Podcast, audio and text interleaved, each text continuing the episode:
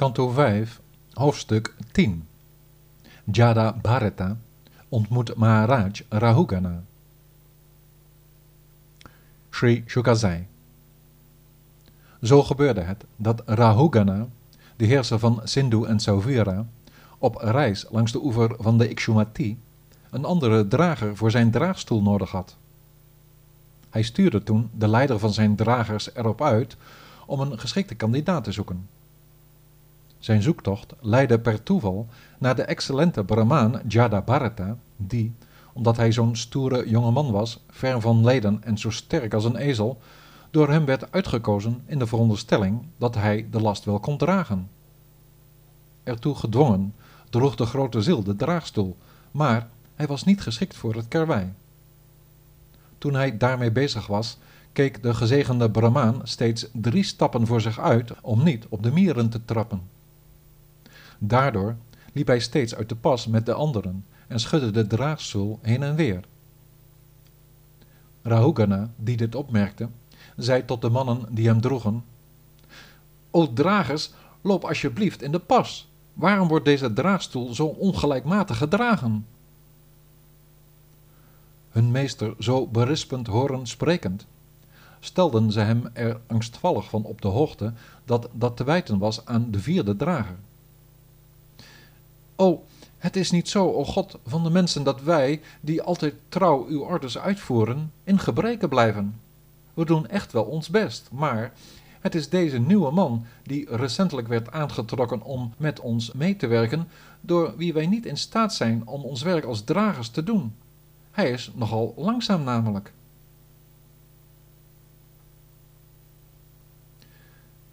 Hoewel hij er door die ontboezemingen zeker van was dat het probleem zich voordeed als gevolg van een fout van een van hen, gaf koning Rahugana, die de angstige woorden van zijn dienaren hoorde, in weerwil van zijn politieke ervaring, vanuit zijn kshatriya-aard toch een beetje toe aan het geweld van de woede. Tot hem, van wie men de spirituele gloed van zijn aangeboren intelligentie niet duidelijk kon onderscheiden, zei hij met een geestvol hartstocht Och, wat een moeite is het ook, mijn broeder. Helemaal alleen op zo'n lange reis ben je zeker erg vermoeid geraakt. En je hebt ook al niet veel aan die collega's van je. Nog is je gewillige, stevige lichaam erg sterk. Je moet wel last hebben van de ouderdom, mijn vriend. Aldus oefende hij sarcastisch hevige kritiek op hem uit, maar er kwam geen protest vanuit een valse ik en mijn overtuiging over de lippen van hem die in stilte als voorheen de draagstoel bleef dragen. Als iemand op het spirituele vlak had hij nu eenmaal een dergelijke bijzondere instelling wat betreft de fysieke aangelegenheden van het hebben van een uit onwetendheid voortgekomen eindig vehikel van de tijd, een lichaam dat bestaat uit een combinatie van de natuurlijke geaardheden, de werklast en materiële intenties. Vervolgens, wederom door elkaar geschud door het ongelijkmatige dragen van zijn draagstoel, werd Rahugana heel kwaad en zei: Dwaas, wat is dit voor een flauwekul? Jij levend lijk negeert gewoon mijn berispingen. Je slaat ze gewoon in de wind. Ben je je verstand kwijt? Zoals Yamaraj dat doet met het gewone volk, zal ik je eens een lesje leren, zodat je weet wat je plaats hier is. Ondanks dat hij die lading onzin over zich uitgestort kreeg van de kant van hem die, woedend uit hartstocht en onwetendheid, verwijtenmakend dacht dat hij kon heersen als een god van de mensen, als een geleerde wijze en een bij talloze toegewijden geliefde voorvechter van de Heer, glimlachte de zelfgerealiseerde Brahmaan flauwtjes zonder trots en sprak hij met een houding van een meester in de yoga, van een vriend van alle levende wezens, als volgt tot die niet zo wijze heerser. De Brahmaan zei: Wat u zo duidelijk stelde, o grote held, is niet in strijd met wat ik in feite ben. Dat zou wel het geval zijn geweest als ik werkelijk dit lichaam van mij, die drager van de last, zou zijn. Als het verwerven van een goed doorvoed, krachtig lichaam de weg zou zijn, kan ik u zeggen dat dat geen onderwerp van belang is voor de persoon van zelfverwerkelijking aanwezig in het lichaam. Om sterk en stoer te zijn of mager en zwak, lichamelijke of psychische pijn te ondervinden dan wel hongerig te zijn, dorstig, angstig, tegendraads, begeerig, bejaard, slaperig of zinnelijk gemotiveerd, om van het kwade te zijn of van de valsheid, om van illusie te zijn of van weeklagen, zijn zaken die horen bij dit lichaam, bij degene die geboren werd, maar ze vormen niet de werkelijkheid van wat ik oorspronkelijk ben. Om een levende ziel te zijn, gebonden aan de dood, een levend lijk te zijn, is iets dat door de natuur wordt geregeld, o koning. Het heeft net zo goed betrekking op u, want alles heeft een begin en een eind. Maar, o hoogvereerde, als men het onveranderlijke ziet dat zich bevindt in de dingen die veranderen, waarmee men, zoals u dat hooghoudt, meesters en dienaren ziet, dan zegt men dat men het juiste doet in yoga. Onderscheid te maken tussen personen zoals u dat doet als u de baas speelt, getuigt van een vernauwde blik, en ik zie niet in wat dat, de conventies daargelaten, voor nut zou hebben. Wie is in deze gearrangeerde orde nu de meester en wie is degene over wie moet worden geheerst? Niettemin, o koning, wat kan ik met u als mijn meester voor u betekenen? Uit mijn staat van zelfverwerkelijking, o koning, leidde u af dat ik een chaotisch, gek stuk onbenul zou zijn. Als dat zo zou zijn, wat zou het dan voor nut hebben door u te worden bestraft? Hoe kan men een waanzinnige, stupide persoon nu iets bijbrengen? Het is alsof je een meel probeert te vermalen.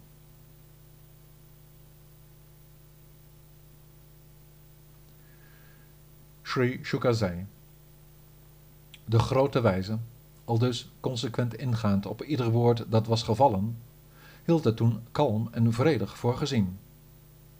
Wat betreft de aangelegenheid van zaken vreemd aan de ziel, aanvaarde hij alles wat zich voordeed als een gevolg van wat hij in het verleden had gedaan. En dus ging hij, om zijn karma tot een goed einde te brengen, verder met het dragen van de koning zijn draagstoel, zoals hij dat eerder deed.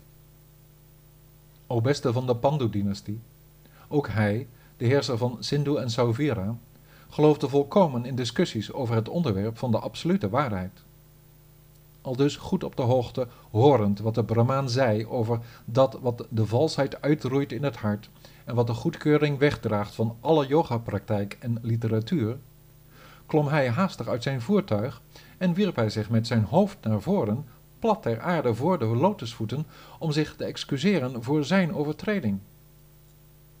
Zo zijn valse claim opgevend dat hij als de koning moest worden gerespecteerd, zei hij, wie bent u onder de tweemaal geborenen, zich zo verholend rondbewegend in deze wereld?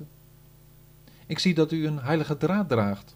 Van welke verzaker van de wereld bent u de discipel? Waar vandaan en om welke reden bent u hier naartoe gekomen? Bent u, als een ziel van zuivere goedheid, hier voor ons heil of juist niet? Ik ben niet bang voor Indra's bliksemschicht, Shiva's drietand of de straf van Yamaraj, nog schuw ik de hitte van de zonnestralen, de maan, de wind, of de wapens van de schatbewaarder van de hemel, Kuvera. Mijn grootste vrees is in overtreding te verkeren met de klasse van de Brahmanen. Kan u, die als een volledig onthechte persoon, als was hij een onnozelaar, de macht van de wijsheid verhult, die zich als een volkomen onverschillig iemand rondbeweegt, alstublieft het woord tot ons richten? Want Niemand van ons, o heilige, is in staat ook maar enigermate te achterhalen wat de betekenisvolle yoga-woorden inhouden die u bezigde. Ik vraag u, als een directe vertegenwoordiger van de Heer van de geestelijke kennis, van de meester van de yoga en allerbeste leraar van de heilige geleerden in de wetenschap van de zelfverwerkelijking, wat, als je in deze wereld bezig bent, nu de veiligste toevlucht vormt bent u in uw goedheid misschien hem in eigen persoon, die, zonder uw ware identiteit prijs te geven, rondtrekt over de aarde om u te verdiepen in de motieven van de mensen hier? Hoe kan iemand die gebonden is aan familiezaken en het aan de nodige intelligentie ontbreekt, nu de eindbestemming van de meesters van de yoga helder voor ogen hebben? Men kan zien dat als men lichamelijk op een bepaalde manier bezig is, men vermoeid raakt. Ik neem aan dat dat ook met u het geval is in uw bewegingen als een drager. Dat is een algemeen aanvaard feit, zo zeker als het feit dat op basis van de afwezigheid van water het niet zo kan zijn dat men het kan komen brengen en zo. Vanwege de hitte onder een kookpan wordt de melk die men erin deed heet en vanwege de verhitte melk wordt de harde kern van de rijst erin gekookt. Zo ook is er voor de persoon die zich als een rijstkorrel moet schikken naar de hitte van de materie de onvermijdelijke gebondenheid aan zijn zintuigelijke ervaring van het materiële bestaan. De bestuurder, die als een menselijk heerser over de burgers zijn onderdanen het beste toewenst, moet een dienaar zijn en, als het ware, niet de bloem vermalen die reeds vermalen is, door zinloos zijn wil op te leggen aan ondergeschikten. Hij moet, in plaats van zijn wil op te leggen en te straffen, met het vervullen van zijn beroepsmatige plichten de onfeilbare aanbidden die verlost van allerlei vormen van zonde als men zich voor hem inzet. Wees daarom, vanuit de waarachtigheid en goedheid van uw boetvaardige zelf, zo goed aan mij, deze gek geworden en trotse God van de mensen, uw grondeloze genade te tonen als een vriend van alle mensen in nood. Want zo kan ik dan bevrijd raken van de zonde van het minachten van een grote persoonlijkheid als u. U, als een vriend van de vriend van allen, raakt in uw gelijkmoedigheid, als iemand die ver verwijderd is van de lichamelijke levensopvatting, in het geheel niet van uw stuk. Maar zelfs als iemand zo machtig is als Heer Shiva, zal hij zeker spoedig ten onder gaan, net als ik met mijn praktijk van hoogmoed in relatie tot de grootste zielen.